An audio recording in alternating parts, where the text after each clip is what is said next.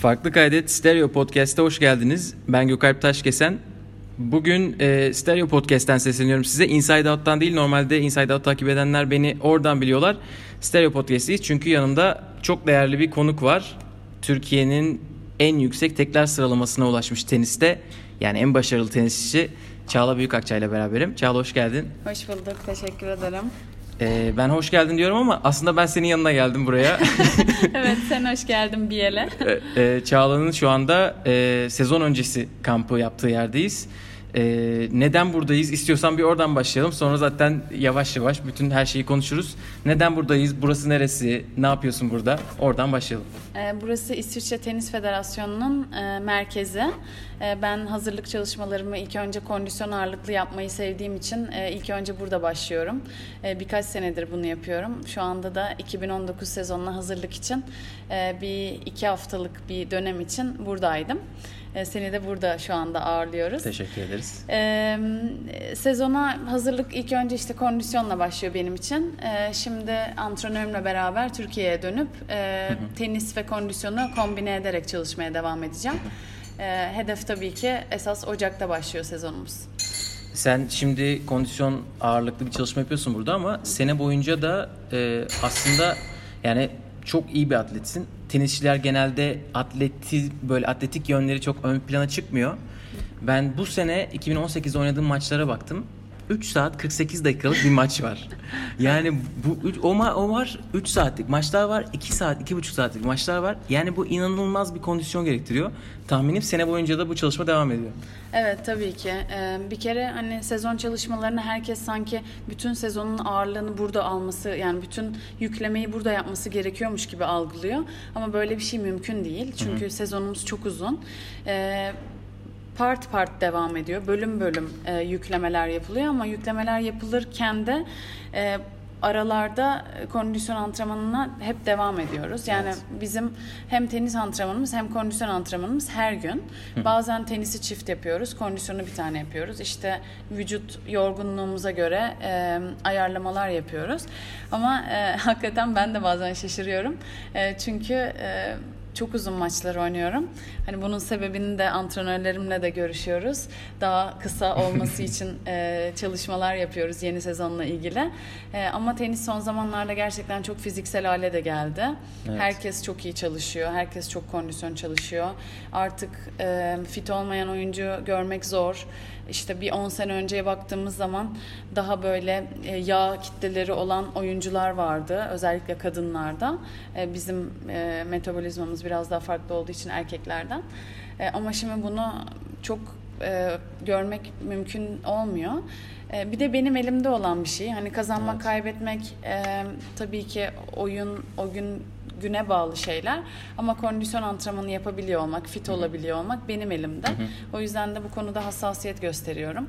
E, hatta geçen gün Twitter'da e, paylaşmıştım kendi evet. sosyal medya hesabımdan. İşte İsviçre'deyim diye. İşte birisi de sordu Türkiye'de yok mu kondisyoner? Niye Hı-hı. İsviçre'ye gidiyorsun diye. Ee, çok iyi kondisyonerlerimiz var ee, ama genel kondisyonu çok iyi biliyorlar. Ee, tenis kondisyonerimiz e, yavaş yavaş e, e, gelişiyor. gelişiyor. Çok yeni olduğumuz bir konu. Hı hı. E, ben de iyi olan bir ülkeden destek alıyorum Tabii. diye cevap verdim. Hı hı. O yüzden buradayım. İşte eksiklerime e, çalışıp hem fiziksel hem hı hı. E, tenis anlamında Bakalım yani sezona öyle Buna yani cevap vermem bile bence gayet güzel. Çünkü sosyal medyada bir sürü mesaj geliyor. Evet. Sosyal medya konusuna geri döneceğim ama e, onu onu kaçırmışım. Ama şey çünkü yani onlara cevap vermek istiyorum. Çünkü insanlar için gerçekten bunlar bilinmeyen şeyler. Yani Hı-hı. benden duymazsa Doğru. duyabileceği başka bir yer yok. Evet. O yüzden de esasında bu konularda da bilinçlenmemizi istiyorum. O yüzden Hı-hı. de bir katkım olsun diye verdim evet. cevabı. Gayet güzel olmuş. e, bu antrenörlerle yaptığın hani değişikliklerden bahsettin. Ben de onunla alakalı bir zaten aklımda soru vardı. Şimdi bir sürü oyuncuya bakıyoruz. Sadece kondisyon değil teknikleriyle de uğraşıyorlar. Evet. Federer işte 2017 çok konuşuldu. Backhand'ini tamamen değiştirdi diye. Hı hı. Djokovic servisiyle uğraşıyor. Senin böyle teknik üzerine yaptığın çalışmalar var mı? Ee, kesinlikle var. Çünkü tekniğin ne kadar iyi olursa işte topun hızı belki artıyor. Ufak tefek e, değişiklikler çok büyük farklar yaratıyor. E, özellikle servisimle ilgili e, antrenörüm şu anda bir çalışma içinde. E, benim uzun süredir bir omuz problemim var. E, yani küçüklüğümden beri diyeyim. E, ve bunu en minimuma indirebilmek için sıkıntılarımı ona yönelik de çok çalışıyorum. Ama tekniğim ne kadar iyi olursa bana mutlaka daha çok e, yardımcı olacak. E, aynı zamanda yani bütün vuruşlarla alakalı yani tekniğiniz ne kadar iyi olursa enerji sarfiyatı o kadar az oluyor. Tabii. E, Biz de bunu amaçlıyoruz. Ama teknik çalışmayı sezonumuz yani bu pre-season dediğimiz sezon öncesi hazırlıklarımız çok uzun değil. O yüzden bu teknik çalışmaları çok uzun yapamıyoruz. Hani bir konuda hemfikir olup onun üzerinde çalışmak ve tekrar etmek e, çok mühim oluyor. E, şimdi benim için de böyle bir dönem. E, antrenörümle bu sene e, Eylül ayından beri e, çalışıyorum. Şu anda Fransız e, Jérôme Ademek diye e, Hayırlı olsun. Çok teşekkürler. Turda çok te- tecrübeli bir antrenörle anlaştım. Ee, senelerdir antrenörlüğümü yapmış olan e, Can Üner bana çok şey kattı. Ee, maalesef 2018 yılının başında e, yaşadığı sağlık problemlerinden dolayı e, bana şu anda e, uzaktan destek veriyor. Çünkü benim oyunumu onun kadar iyi bilen gerçekten kimse yok. Hem e, şu anki etrafımdaki e, takıma da destek oluyor sağ olsun. E, ama şu olduğum yerde yaşım da itibariyle e, gerçekten ufak tefek değişiklikler büyük farklar oluşturabilir. Evet. E, ben de bunun farkındayım. O yüzden e, etrafımda olan her şeyden e, bir şeyler öğrenmeye çalışıyorum hala. Sezon içinde heyecanlıyım. Çünkü Süper. evet 2018 benim için çok inişli çıkışlı geçti. Çok zor geçti. E, 2019'da kaybedecek hiçbir şeyim olmadığını düşünüyorum. Ve o yüzden full motivasyonumla hazırlanıyorum. Süper. 2019 güzel bir yol yol Evet. olur inşallah. İnşallah. Deyip istiyorsan şimdi en başlara dönelim. Nasıl Olur. başladı diye. Ee, şimdi ben birkaç röportaj izledim tabii ki. Ee, klasik tenise nasıl başladın sorusunu sormadan önce. Şimdi sende de bir ikilem olmuş, yol ayrımı olmuş ama benim normalde başka sporcularda özellikle yabancı tenisçilerde gördüğüm tenisle futbol arasında kalıyorlar. Tenisle basketbol arasında kalıyorlar. Ama tenisle konservatuvar arasında kalan çok duymamıştım. Sende durum oraya nasıl geldi? Ondan sonra e, tenis kararını alması kolay oldu mu? O kısmı bir anlatabilir misin? Ee, Valla bence en büyük şansım o sırada çok küçük yaşında olmam herhalde. Ee, bu bahsettiğimiz yaşlar işte 7-8 yaşındayım. Ailem her e, ufak yani böyle her e, sanattan, spordan ufak ufak tatlar almamı istiyordu. Bu konuda da şanslıydım. İşte Adana sıcağında yazın işte ne yapabiliriz? İşte yüzmeye gidebilirim, suya girebilirim. E, tenise başladım çünkü ailem e, sosyal yaşamını bir tenis kulübünde geçiriyordu. E, o zaman çok sosyal yaşam yoktu Adana'da. E, te- buraya geliyoruz iki, iki çocuğumuz da tenise başlasın diye. E, ben de tenise başladım. E, aynı zamanda da e, ufak yaştan itibaren ee, babamın yanında çalışan e, bir hanımefendi sayesinde musiki cemiyetine başladım. Çünkü o orada öğretmendi ve hafta sonları e, müzik eğitimi veriyordu. Hani Çağla oraya da gitsin. Mesela ablam yapmadı bunu ama ben ben oraya da gittim. Sonra kulağımı çok iyi buldular. Ha. Yani böyle hatta dün e, Instagram'da throwback olunca dedim paylaşayım mı? Çünkü bu yönümü kimse bilmiyor. E, yani inan Önümüzdeki perşembe. önümüzdeki perşembe şimdi bunu paylaşacağın için paylaşabilirim. Tamamdır. E, çünkü küçüklüğüme dair fotoğraf tenis tenis kortunda bir tane var ama Hadi sahnede 4-5 tane var. Gerçekten. Ben aslında şarkıcıydım diye o zamanki böyle bir niyet farklı mıydı? giriş yapmak istiyorum. Aynen. Ee, öyleydi yani çocuk korosundaydım. İşte Aha. solo şarkılar söyledim filan. Ee, öyle olunca hani ailem demiş ki neden değişiklik olmasın bir konservatuara gidelim. Çağla belki müzikle e, eğitimine başlar. Gittim piyanoyla e, başlangıç yapmamı önerdiler. Kulağımı çok beğendiler ama aynı dönemde tenise de başladım ve e, piyano öğretmeni direkt dedi ki yani bu e, ön kasların çok yumuşak olması gerekiyor dedi piyano Ha. çalabilmek için ve bunun için tenis oynayamazsın dedi. Yani her gün çalacaksın ve yumuşacık kasların olması gerekiyor. ben de o zaman böyle tenise çıldırıyorum. Böyle hafta sonları iple çekiyorum. Bir de hep o yaşlarda oyun falan oynanıyor ya. Aynen. Ee, direkt ağlamaya başladım. Ben tenis oynamak istiyorum işte çünkü antrenmandan çıkıyorum eve geliyorum duvarda oynuyorum filan. Annem kafayı yiyor işte oturma odasında kırıyorum her şeyi filan. Ee, üzerine tenis olmaz işte piyano çalacaksa deyince e, çok üzüldüm. İşte e, ailemde hiç yani bana hep kulak veren bir ailem vardı. Yani o konuda gerçekten şanslıyım. Hani direkt tamam canım o zaman tenise devam et dediler. Ama işte profesyonellik de şuydu buydu yani hiçbir şekilde yok. Çünkü ülkemizde zaten yok o sırada profesyonel. Yani Hobi olarak onu seçtin evet o zaman. hobi olarak hani müzik yerine tamam müzik defterini tamamen kapattık. Hani orada eğitim eğitimimin başından itibaren müzikle gidecektim. Hani o kapıyı kapatıp normal eğitime başlayıp tenise e, devam etme kararı aldık hep beraber. Peki profesyonellik kararı nasıl oldu? Bununla beraber şeyi de soracağım. Ee, sen şimdi hani proje çocuk değildim ben e, dediğin oldu hani röportajlarda. Bu da proje çocuk derken şeyden bahsediyoruz. Çok erken yaştan başlatılıp 4-5 yaş bile olabiliyor. Onu böyle o çocuğu turnuva turnuva hani bütün zamanla ayarlayan e, aileler var tabii ki. E, senin böyle olmadığı için junior kariyerin de mesela yok gibi bir şey yok, değil mi? Hiç yok. O o nasıl oldu? Zamanlamadan dolayı mı öyle oldu? Ee, şöyle, e, ya tabii ki teniste yetenekli olduğumu söylemeleri, işte e, daha sonra e, ilk önce Adana içi turnuvayı kazanmaya başladım. Daha sonra Türkiye'de yarışmaya başladım. İşte 12 yaşı, 14 yaşı kazanmaya başladım. Ya tabii ki en büyük motivasyonum ilk önce e, bu Türkiye şampiyonalarını, klasman turnuvalarını kazanabiliyor olmakta. Ondan sonra e, 15 yaşımda A milli takıma girdim. İşte o da çok güzel bir gelişme oldu. Ama uluslararası anlamda hiçbir tecrübem yoktu. E, ama genel olarak düşünceye bakınca işte tabii ki ilk önce milli takım maçlarıyla e, yurt dışına gitmemle işte e, tenisçi nasıl olunuyor? Yani hiçbir fikrim de olmadan hani ülkemizi neden hani teniste temsil etmeyeyim diye böyle bir fikir girdi aklıma. Ee, şöyle ki yani Türkiye'deki e, gördüğüm e, kendimden büyük e, tenisçilerin yaptığı bir şey vardı ki yani Türkiye'de başarılı oluyorlardı ve Amerika'da burs alıp Evet. e, okumaya gidiyorlardı. Hani baktığım zaman benim için de güzel bir kariyer planlaması. İşte Adana'dan İstanbul'a gelmişim tenis için. Tenisim hala ilerliyor. Ee, ve Amerika'da okuma fikri gayet güzeldi başta. Ama sonra baktım e, yani benim kafamdaki fikir Amerika'ya gidip tenisimi geliştirmekti.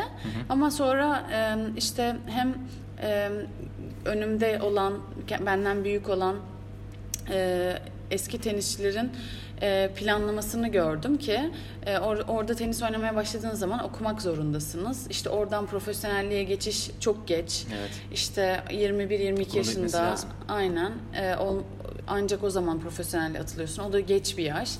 Bunları farkına varınca hani bir dakika ya dedim hani ben istemiyorum bunu. Ben tenisçi olmak istiyorum. Yurt dışında turnuvalara katılmak istiyorum vesaire.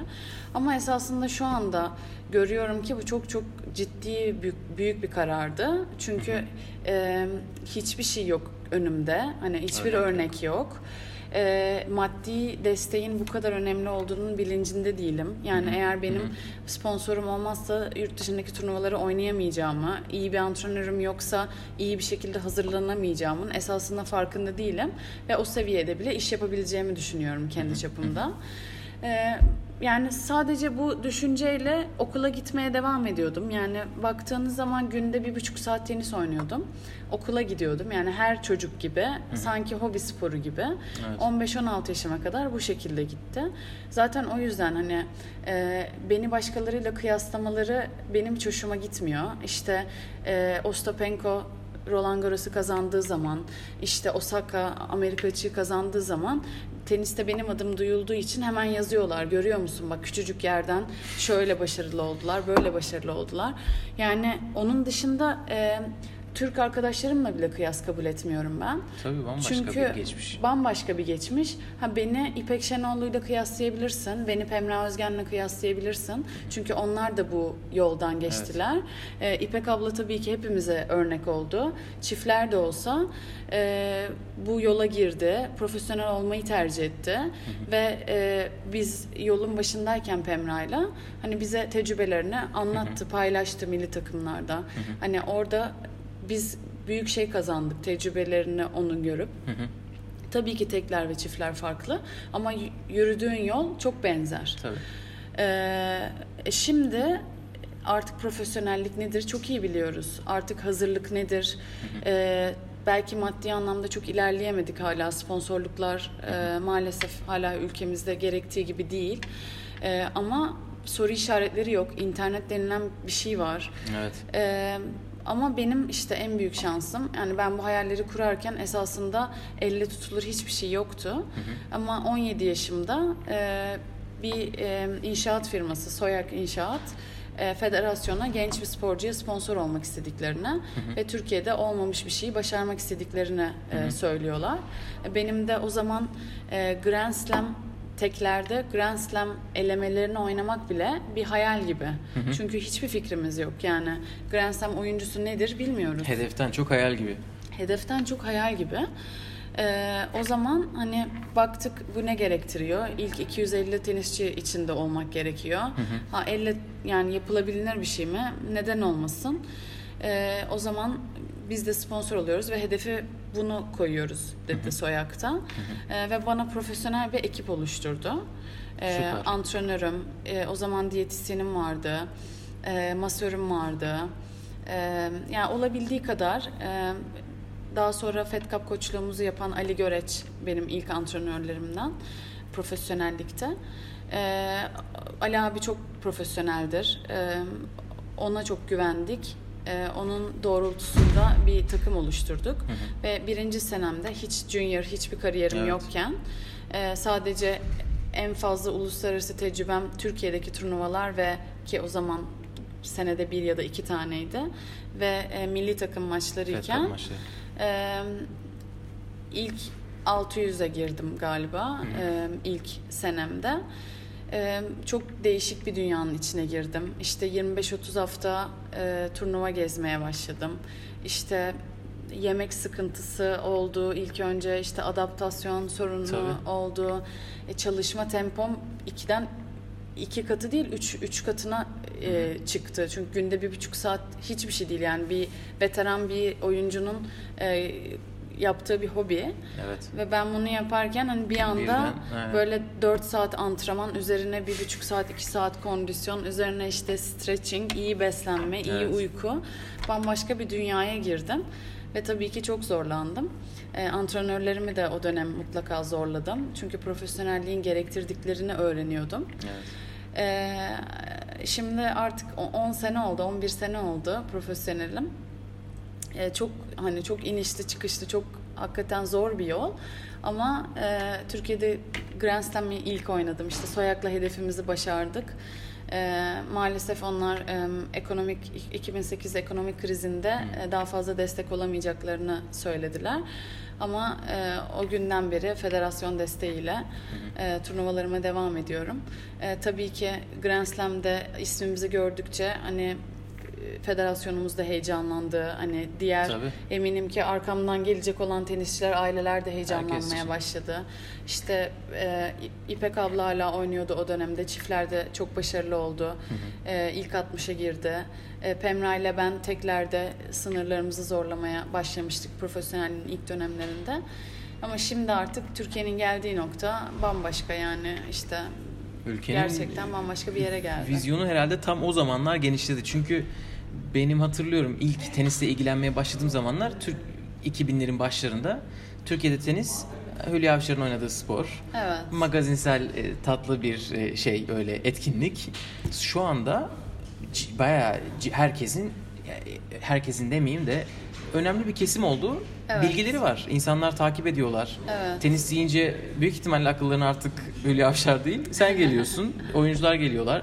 Hatta turnuvalar geliyor, yabancı oyuncular geliyor. Evet. Ve bunun yaygınlaşmasında hani federasyon burada tabii şey var, e, turnuvalar geldi ama Evet. sizin bireysel özellikle hani senin e, Marcel'in o zaman yaptıkları çok büyük katkısı var. Çok yani onu söylüyorum hani hep Türkiye'de tenis neden popüler değil işte neden bir Sharapova yok Türkiye'de falan bunlar artık böyle ezbere bildiğimiz sorular Ee, yani çocukluğumdan beri hani bunu gördüm Ee, Türkiye'de yani biz hep kendi kahramanlarımızı arıyoruz yani biz e, Arda Turan Barcelona'ya gittiği zaman deli gibi Barcelona takip ettik. Yani tam Barcelona gerçekten dünya çapında e, muhteşem bir kulüp ama e, kendi kahramanlarımız olduğu zaman bambaşka oluyor. E, sonra baktım hani Türkiye'de böyle isimler sivrilmeye başlayınca esasında tenise ilgimiz artabiliyor. Evet, yani bütün röpo- bütün gazetelerde röportajlarım çıktı, dergilerden çok teklif geldi. Yani medya esasında ilgili. Hep Evet. böyle işte niye göremiyoruz, niye edemiyoruz? E çünkü başarı yok. O yüzden e, adamların elinde bir malzeme yok ki kullansınlar. Evet. Şimdi e, başarı arttıkça e, hepsi paralel gidiyor. Alanda artıyor. Ee, hani futbolu tabii ki bir tutmuyorum yani futbolda renkler var takımlar var hani o orayla e, baş etmek gerçekten imkansız ama bireysel sporlarda baktığımız zaman bence en popüler tenis ülkemizde. Evet. Ee, şimdi başka bir gerçeği de paylaşacağım. Ben 2016'da en başarılı olduğum sene ilk yüze girmem, İstanbul Kapı kazanmam, olimpiyatları oynamam. Bir anda böyle iki kişiden biri tenis oynamaya başladı gibi geliyordu bana. Hep tenis Çok konuşuluyordu. Evet, gerçekten çok konuşuluyordu. Benim yaptıklarım konuşuyordu, onun üzerine bakılıyordu. Gençlerde ne var ne yok. İşte e, bir heyecan vardı, bir şey vardı. Şimdi mesela birazcık dur- duraksadık. Hani ben, ben 2017'de e, iyi geçen bir senenin üzerine e, onu tekrar aynısını başarmak zor olduğu için böyle bir adaptasyon problemi yaşadım. 2018'de sakatlıkla karışık e, bazı sıkıntılar yaşadım falan. Şimdi mesela çok net bir şekilde Türkiye'de tenisin popülerliğini yitirdiğini görüyorum ve üzülüyorum buna. Çünkü e, gerçekten potansiyelimiz var. Evet. E, genç bir popülasyona sahibiz. E, neden olmasın? Yani bunun daha çok bilincinde olmalıyız. İşte sadece takiple değil, e, sporcuların yaşamlarına daha çok göz atmak lazım. Ailelerin desteğine daha çok göz atmak lazım. Çok çok detaylı bir iş. Aynen öyle. Bu ilk ITF'e ITF yani profesyonel olduğun zamanlara bir geri dönecek olursak şimdi ITF dediğimiz şey tabii ki WT'nin altı olan e, klasman ve kendi içinde de bir sürü klasmanı var ve senin o ilk adaptasyon so- e, sorununu yaşadığın dediğin zamanlar e, sen 600'lerden 500 400 böyle Evet. ay ay yükseliyordun. Çünkü Evet. orada da zaten kendi kendine bir şey yapman lazım. Her ilk üstüne atladığın yüzün antrenman temposunu oluşturman uyman gerekiyor. Geçenlerde Andrea Petkovic'in katıldığı bir podcast'i dinledim. Petkovic de bu sene o da inişli çıkışlı bir sene geçirdi. İşte e, birkaç sene önce Fransa açıkta yarı finali var. Şimdi biraz düşüşte diye öyle olduğu için demiş ki biraz maç e, tempom artsın diye ITF'e katılıyor. 100 binlik bir ITF'e katılıyor. Ve diyor ki çok ilginç geldi bana. ITF'te yapılan maç oradaki oyuncular için o kadar önemli ki Grand Slam birinci turunda yapılacak bir maça göre daha e, böyle çekişmeli geçebiliyor. Evet. Çünkü Grand Slam'de tabii ki Grand Slam çok önemli ama mesela orada kaybetsen de kazandığın bir para var. Onun Evet. için ITF ben onu unutmuşum diyor kadın. Orada diyor bir şey var. Orada çekişme çok yüksek diyor. Evet. Yani onu da hani WT'nin altında diye herhalde küçümsememek lazım. Yok kesinlikle küçümsememek lazım çünkü e, açlık yani başarı açlığı çok çok fazla ITF turnuvalarında. İnsanlar inanılmaz derecede çalışıyorlar. Yani WTA seviyesinde de tabii ki herkes çok çalışıyor ve kendini geliştirmek için çok uğraşıyor. Ama e, bir doymuşluk oluyor dediğin gibi. Hem para olarak hem işte görmüş yani daha önce birinci tur oynamış, ikinci tur oynamış. Şimdi bir de alttaki oyuncular var ki hayalleri Grand Slam oynamak, hayalleri işte çeyrek finale çıkmak. Evet. İşte WTA turnuvalarında ana tablo olmayı hayalliyor ve bu hayalle git yani gidecek yol da ITF turnuvalarından geçiyor. Evet. Yani hiç kimse bir anda pum diye böyle yukarı e, fırlamıyor. öyle. Çok e, özel bir yetenek değilse ki hani görmüyoruz artık o genç yetenekleri falan da artık eskisi gibi görmüyoruz. E, mesela e, onu ben de e, observe ettim. E, çekişme çok kanlı oluyor. Yani böyle bir puan için bile inanılmaz uğraşıyorsun. Bazen e, işte dünya 60 numarayla oynuyorsun. O gün mesela oyunu tutmuyorsa zorlamıyor. Yani çözüm aramak için zorlamıyor kendini. Ben buyum diyor. Bugün olmazsa olmaz. Dandun devam ediyor mesela. Hani ITF'de hep kaybedecek bir şeyin var. Hep Evet. böyle bir şeylere ulaşmaya çalışıyorsun. Çözüm arıyorsun. Daha iyi servis, daha iyi return. Ee, bence hani e, ne derler bu savaş anlamında yani bu e, competition anlamında çok çok daha fazla yakın. Evet, öyle. rekabet. Sonra ITF'te kazandığın önemli turnuvalar var o sü- süreçte. 2009, 2008, 2012, 13 arası galiba. Sonra artık WTA turnuvaları başlıyor. Bir üst basamak. Orayla ilgili şeyi soracağım. WTA'ye böyle ATP'ye geçerken hep böyle profesyonel oyuncular şey diyorlar. Ee, oranın hani atmosferi bir değişik geldi. Oyuncu anlamında hatırladığın var mı böyle turnuvaya gittim ya da işte soyunma odasında o böyle değişik geldi, diğerlerinden farklıydı ya da ne bileyim sana ilginç gelen bir şey hatırladığın ilk zamanlardan. Ee, ilk zamanlarda e, ben bir kere ilk WTA turnuvamı 15 yaşındayken okula doğru. giderken hani böyle bir telefonla Çağla işte İpek Şenoğlu sakat wildcard var oynar mısın filan Asılacak ders mi? gibi gibi aynen böyle iyi bu hafta okula gitmeyeyim izin kağıdı ayarlar mısınız filan öyle İstanbul Cup'la e, WTA tecrübesi edindim. Yani hem turnuvada oynuyorum hem böyle gidip imza isteyesim falan geliyor böyle. Venus Williams gelmiş. işte e, ilk ilk bu Ataköy'de Crown Plaza'da yapılmıştı. Hakikaten büyülü bir turnuvaydı benim için. Yani e, ben evet turnuvanın bir parçasıydım ama işte profesyonellik nasıl olacak? İşte hani bu turnuvalarda oynamak ne demek? Onun tadını ilk ilk önce orada aldım. Bu Venüs İpek Şenol'un Boğaz'da oynadığı Evet o sene. Aynen o sene. Ee, zannediyorum İpek Şenol sadece çiftlerde yer almıştı o sene. Ee, teklerde yer alamadı diye ben almıştım.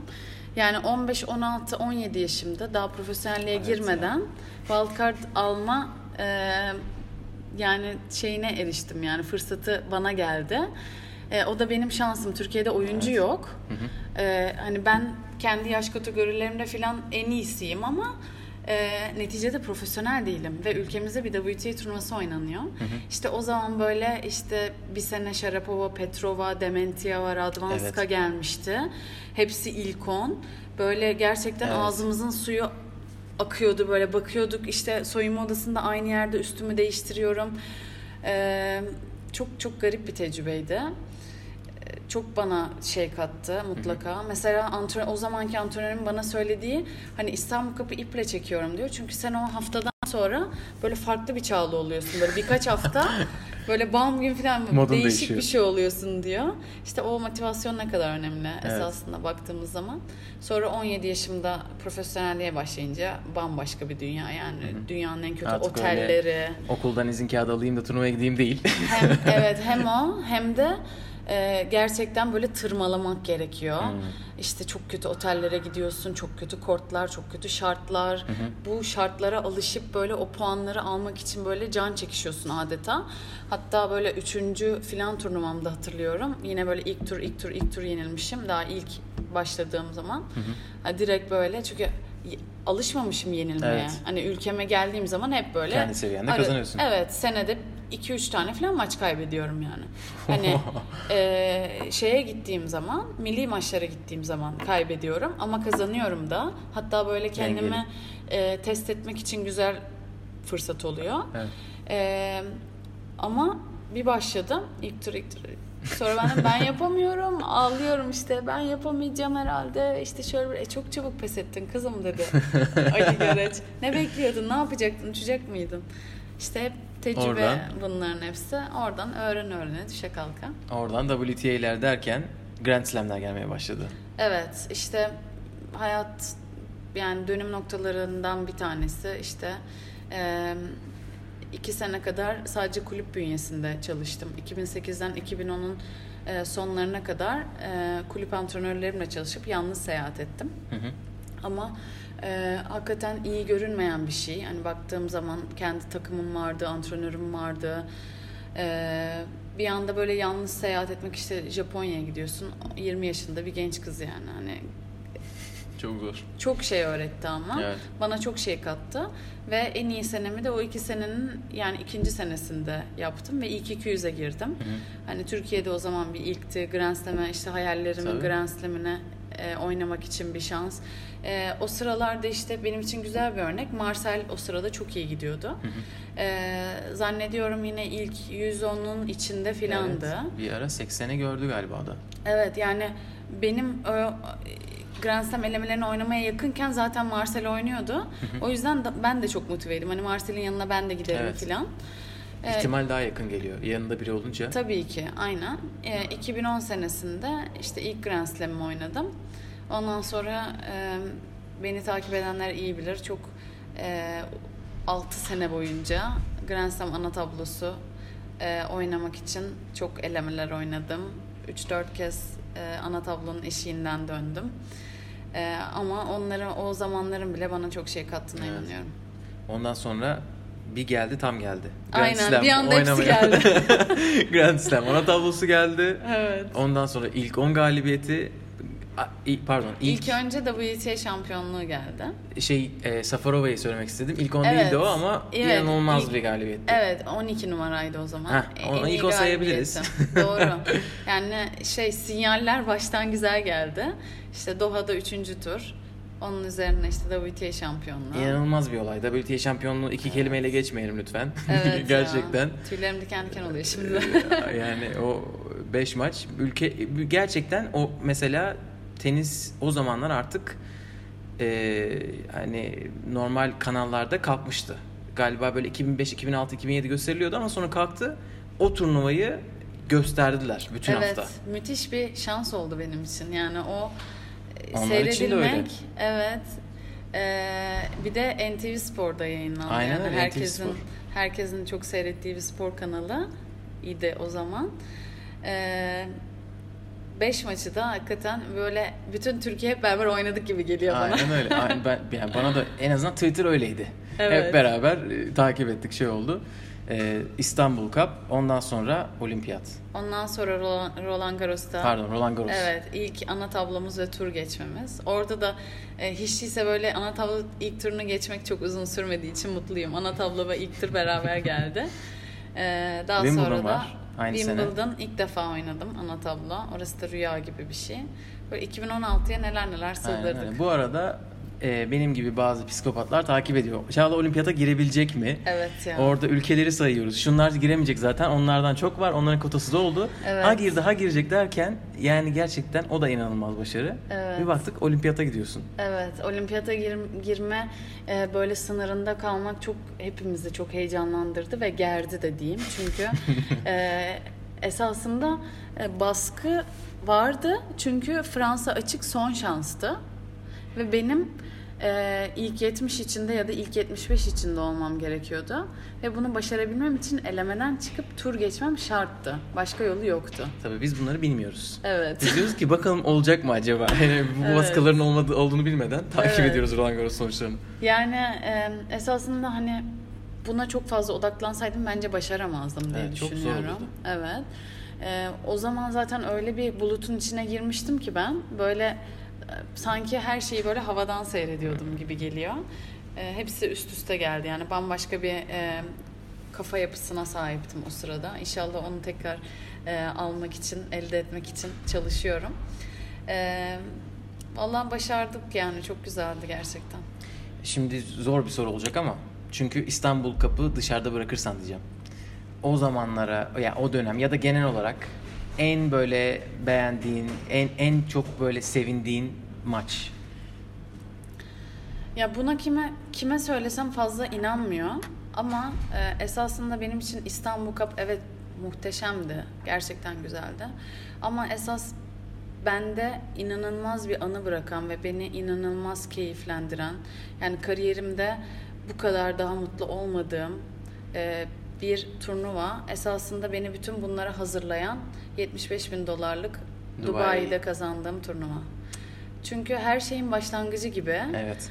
Ee, Ben kötü ötesi bir sene geçirdim ve çok çalıştığım bir seneydi ve e, toparlamak için böyle bir gerçekten bir aralık arıyorum ki o aralıktan ben tekrar doğabileyim, çıkabileyim. E, Dubai'ye de sıfır beklentiyle ve sene sonu artık e, bu sene de böyle oldu. İşte buradan sonra da tatil yaparız burada burada kalıp filan diye gittiğimiz bir turnuvayken gün be gün tenisimin seviyesini gerçekten o zamanki performansımın en yuk- yukarısına çıktı. Zor bir kuraydı diye hatırlıyorum ben. Böyle 3 Çok setlik zordu. maçlardı. Evet çok zordu. Ee, çeyrek finalde Dulgero ile oynadım. 55 numaraydı o zaman. Yani Bir 55 numaralısı numaranın herhalde turnuvanın. 75 bini turnuvada ne işi var esasında. Git tatile başla. Aynen. Herkes işte Dubai hava güzel filan. Gelmiş oraya. Yani ilk yüzden yanılmıyorsam 4-5 tane raket vardı. Ama Dulgero birinci seri başıydı 55 numara. Ee, onunla karşılaştık. Ee, set ve 3-0 gerideydim. Onu da çok net hatırlıyorum. Ondan sonra yine böyle bir bulut. Her şey evet her şey böyle bir e, havada. E, orada bir maç kazandım. Sonra o turnuva e, takım arkadaşım Fed Cup'ta İpek. İpek'le. Çok iyi bir hafta geçiriyordu. E, iki maç yanılmıyorsam maç puanlarından kazandı. Yani hem ilk turu Hmm. hem çeyrek finali maç puanından kazandı. Yani Türk tenisi için müthiş bir şey. Yani böyle büyük bir turnuvada Yarı final oynuyorsun. yarı final oynuyoruz. Karşı karşıya geliyoruz. Ee, İpek'le güzel bir maçımız oldu 3 set. Ondan sonra finalde e, zamanının ilk 20'si o zaman 80-90 numaraydı yanılmıyorsam Kokulova. Onu yine seti kaybedip bütün maçları da seti kaybedip kazanıyorum filan. yani o şampiyonluk e, benim gerçekten damağımda bambaşka bir tat bıraktı. Ve düşündüğüm zaman her şeyin başlangıcının orası olduğunu düşünüyorum. Orada kazandığım özgüven, tenis seviyem, e, nasıl iyi oynayabildiğimi gördüm. Daha sonra böyle oradan yukarı çıktı. Tabii ki İstanbul Cup falan hani bambaşka. Yok Ee, orası başka bir etkisi Ama olmuş belli Evet ki. yani resmen böyle yerin dibinde gibi hissediyordum. Bir anda böyle böyle bir çıkış oldu. oldu. Evet. O- Onu ben de maçlara bakarken bugün ona baktım. Hani bazı oyuncular da böyle oluyor. Mükemmel, çok iyi bir sene geçirdiler mi?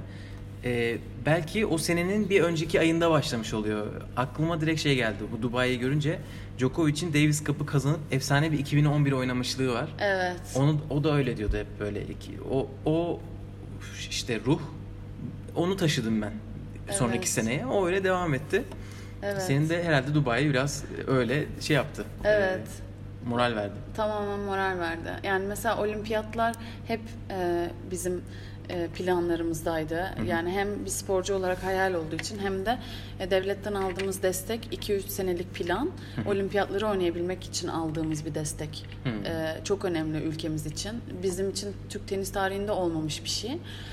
Ama baktığımız zaman ben tam bir sene önce 190 numaraya geriledim. Yani olimpiyatlardan tam bir sene önce 70 olman gerekiyor. Evet. 190'a geriledi. 190'a geriledim. 2015'in sonunda. Ee, evet. Dubai 2000 önceleri. Dubai öncesi. Sonra işte öyle bir çıkış yakaladım ki sanki böyle bir hesap makinesi karşıma koysalar bu kadar Evet. olmaz. Yani her şey olimpiyatlara gitmem için Bir ayarlanmış senede gibi. 120-130'luk bir zıplamadan bahsediyoruz. Ki Evet. bu 190'dan zıplıyorsun. 500'den 300'e zıplamıyorsun. Evet 190'dan 70'e hatta tam Amerika açık bittiği zaman 190'a düşmüştüm. Hatta böyle dünyanın sonu gibi hissediyordum o zaman. Tam Amerika açık 2016'da s- sıralama açıklandığı zaman 60 numaraydım. İşte o 60 bizim için bayağı değerli bir numara. Evet benim için de öyle. İnşallah daha iyisi olur.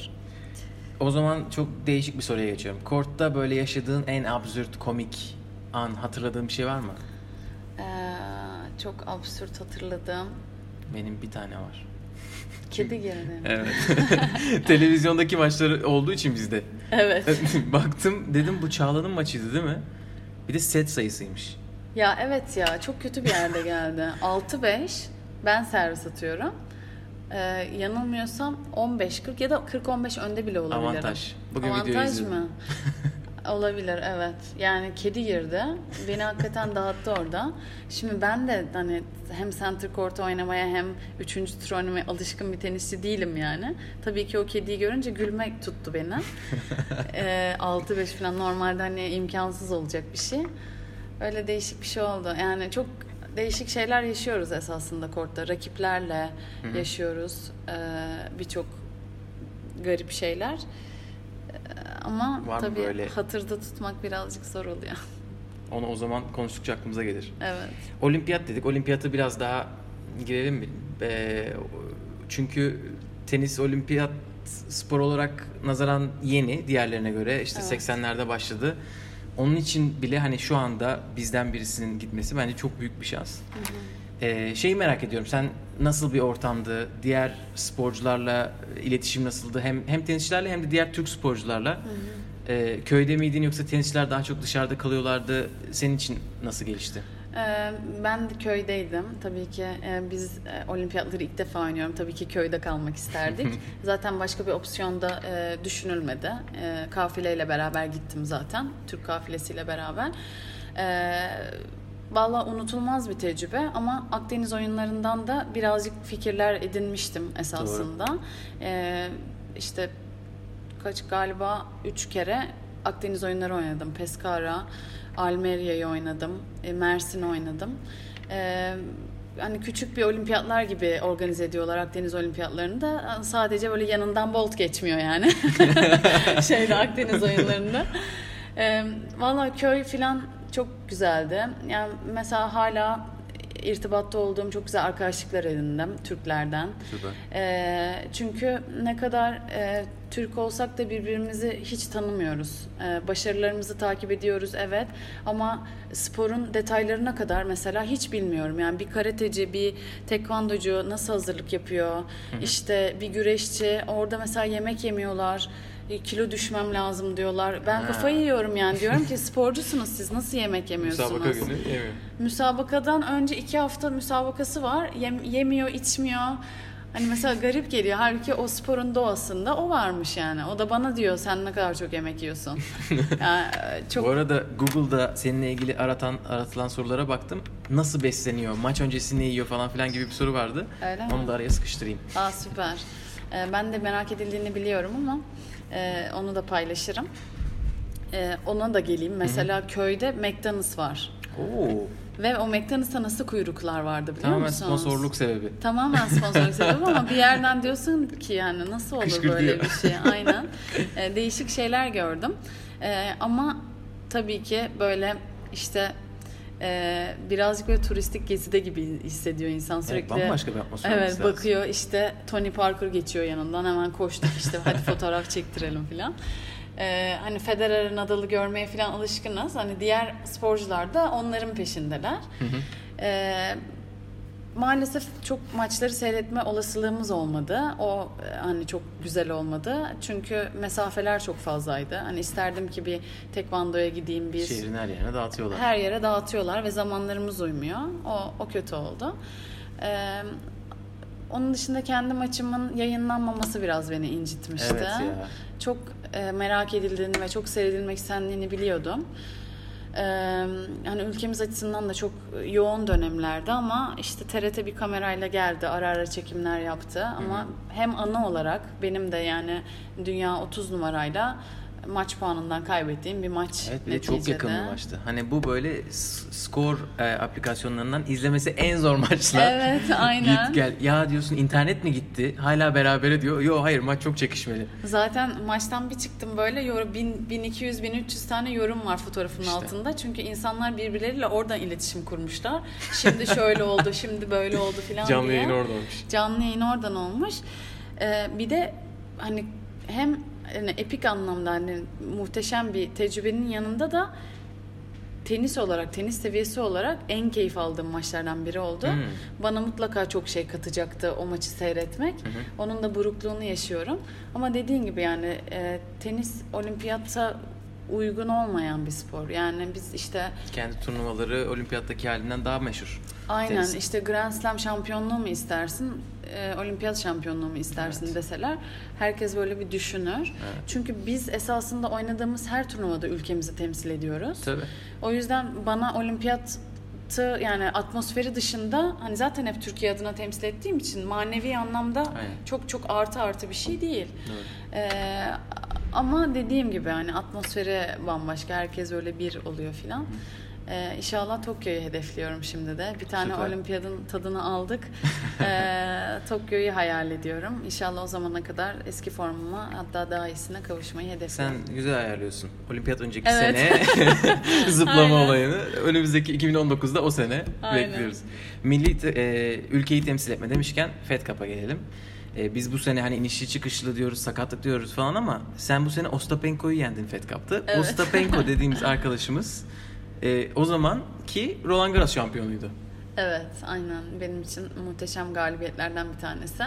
Bir şansım e, tam bir sene önce aynı zaman aynı kortta Ostapenko ile oynadım ve 3 sette kaybettim. E, o zaman yanılmıyorsam 70-80 numaraydım hala.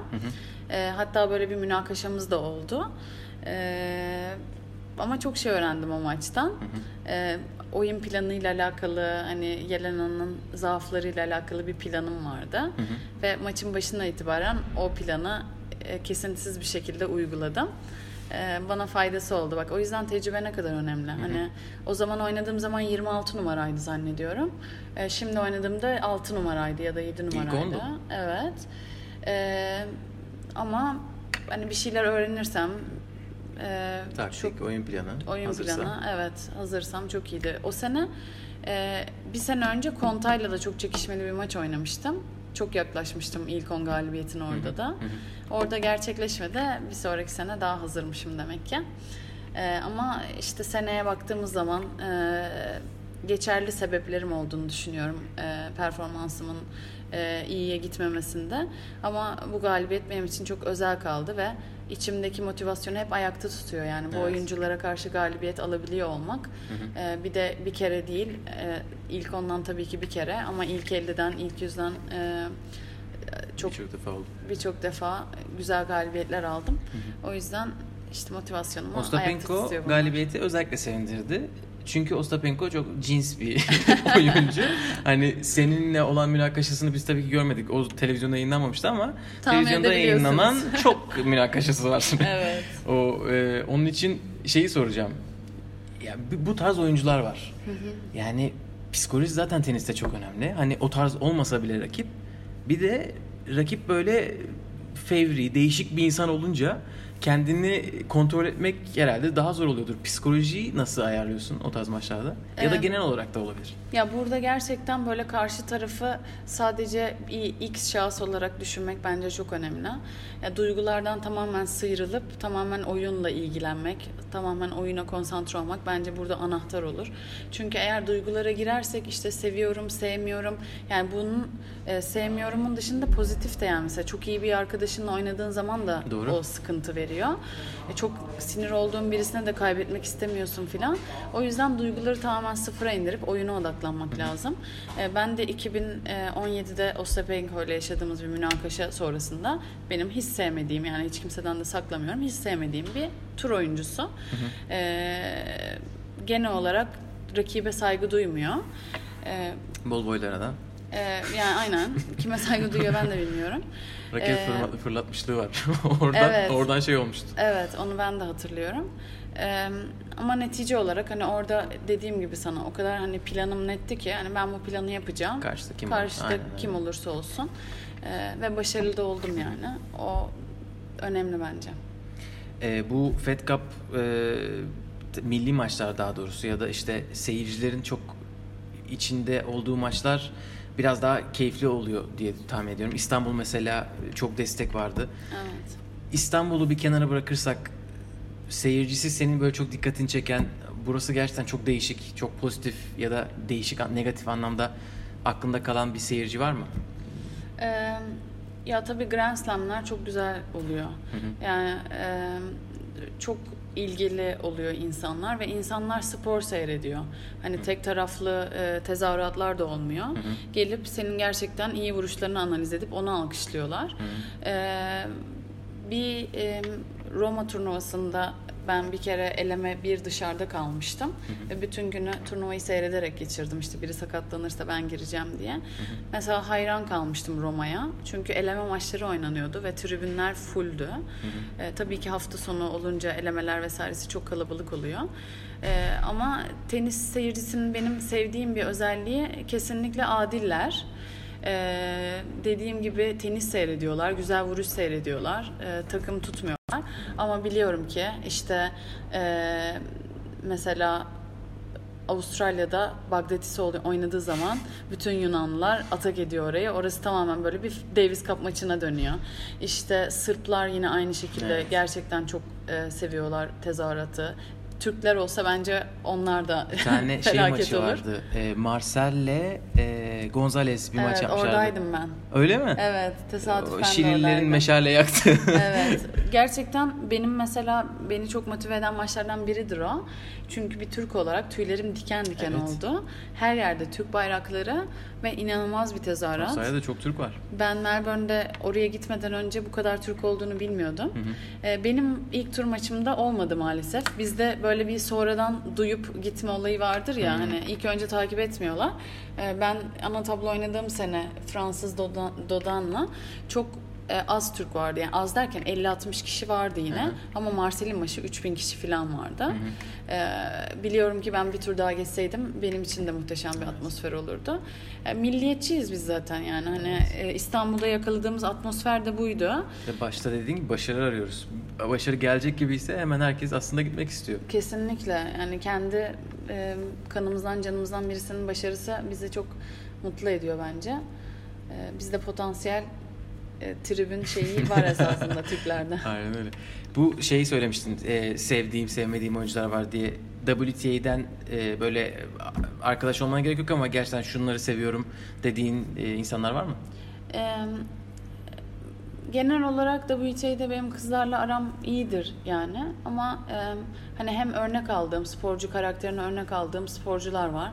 E, bir tanesi Kvitova. Kvitova ile Amerika açıkta oynama şansına eriştim. İki kere Wimbledon şampiyonu ama hem oynadığı ten- tenisle hem dışarıda gösterdiği tevazuyla hı hı. E, şu anda hani yakın arkadaşım diyemem. Merhabalaştığım birisi sadece.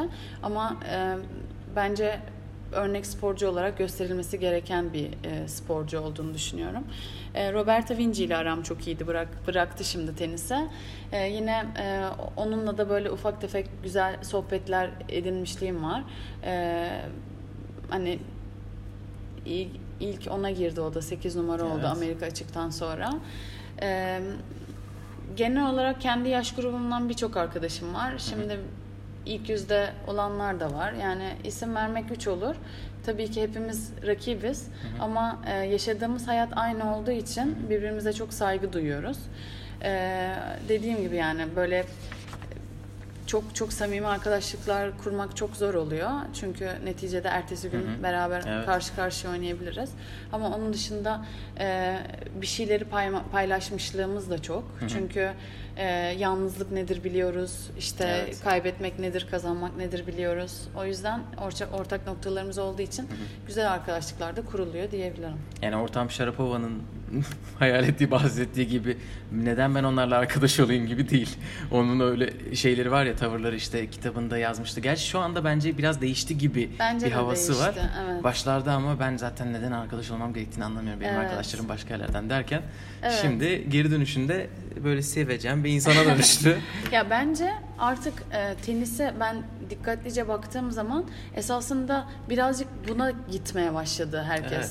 Yani baktığımız zaman gerçekten çok yalnız bir hayat yaşıyoruz. Çok fazla seyahat ediyoruz. İşte en yakın arkadaşlarımız, koçlarımız oluyor en fazla, fizyomuz oluyor. Yani evet. e, annemizi, babamızı daha çok daha az görüyoruz e, takımımızdan.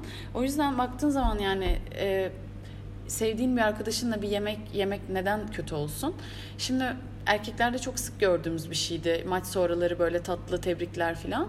Şimdi baktığım zaman yeni jenerasyonda çok arttı. Böyle eskiyi konuşmuyorum. Eskiden Sharapova, Serena, e, işte Azarenka belki hani hiç irtibatta evet. olmayan e, insanlardı belki Hingis, Clijsters hani hiç hatırlamıyorum böyle maç sonu böyle paylaşımları falan.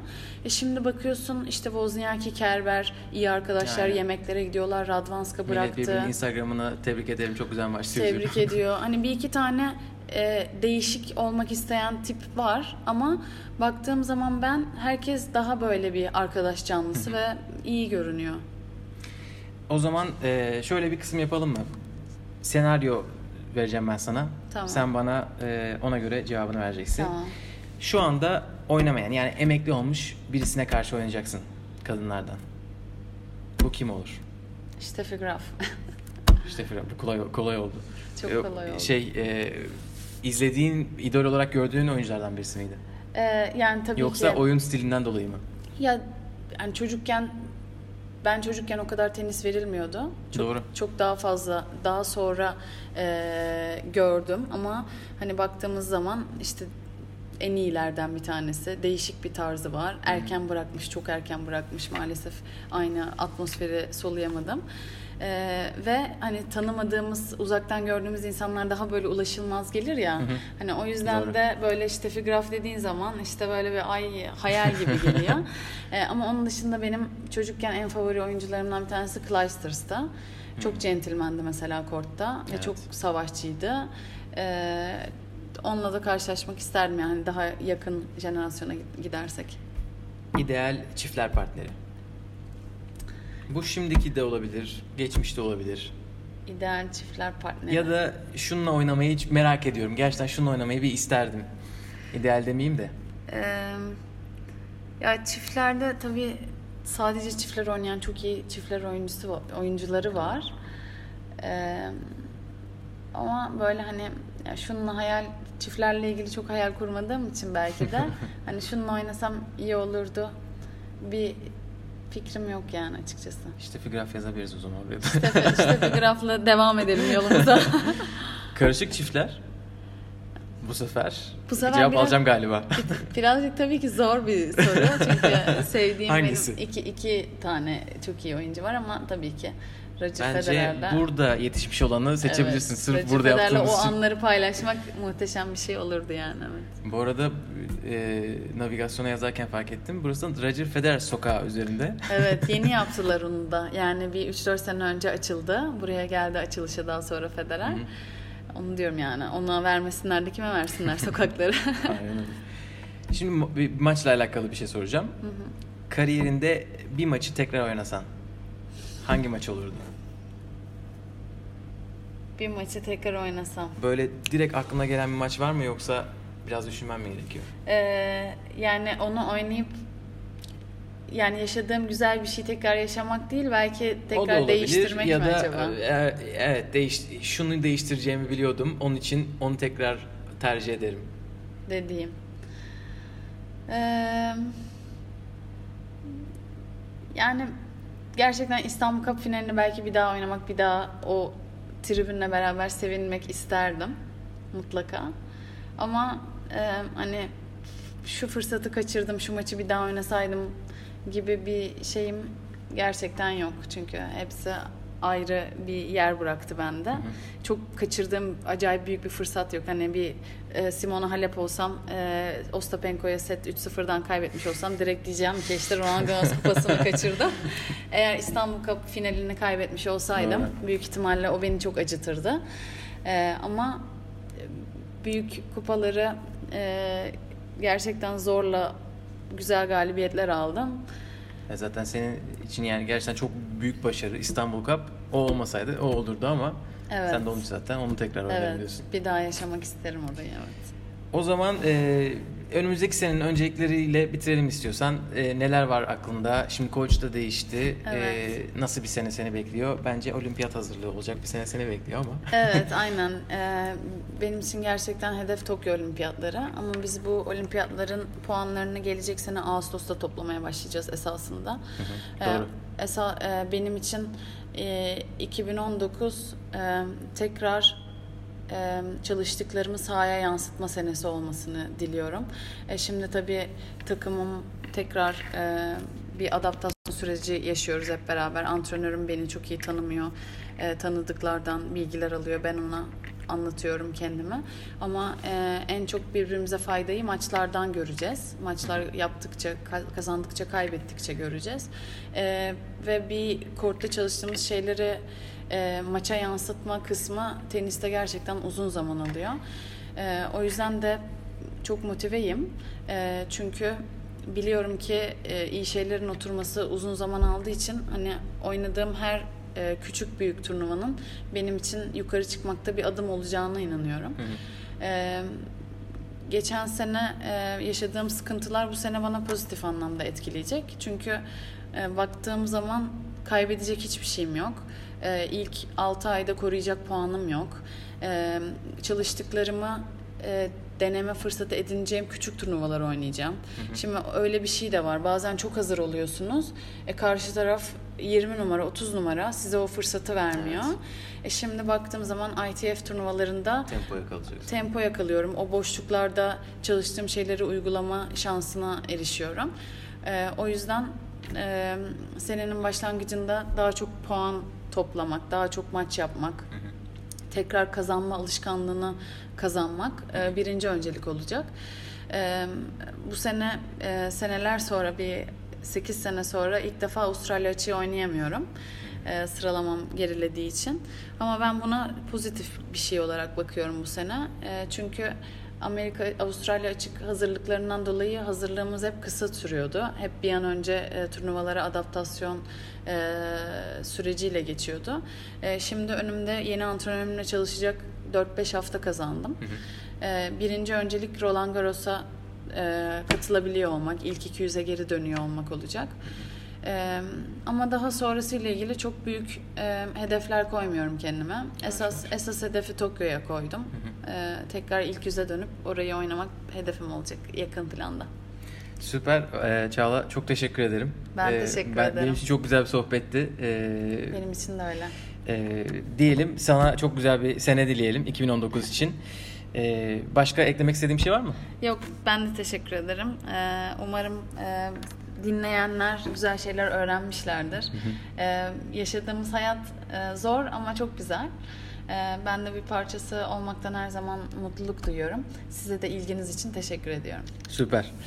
Ee, biz dinlediğiniz için teşekkürler. Ee, tenis podcastimizi dinlemek istiyorsanız farklı kaydeti değişik platformlardan takip edebilirsiniz. Inside Out'u orada bulacaksınız. Kendinize iyi bakın. Hoşçakalın.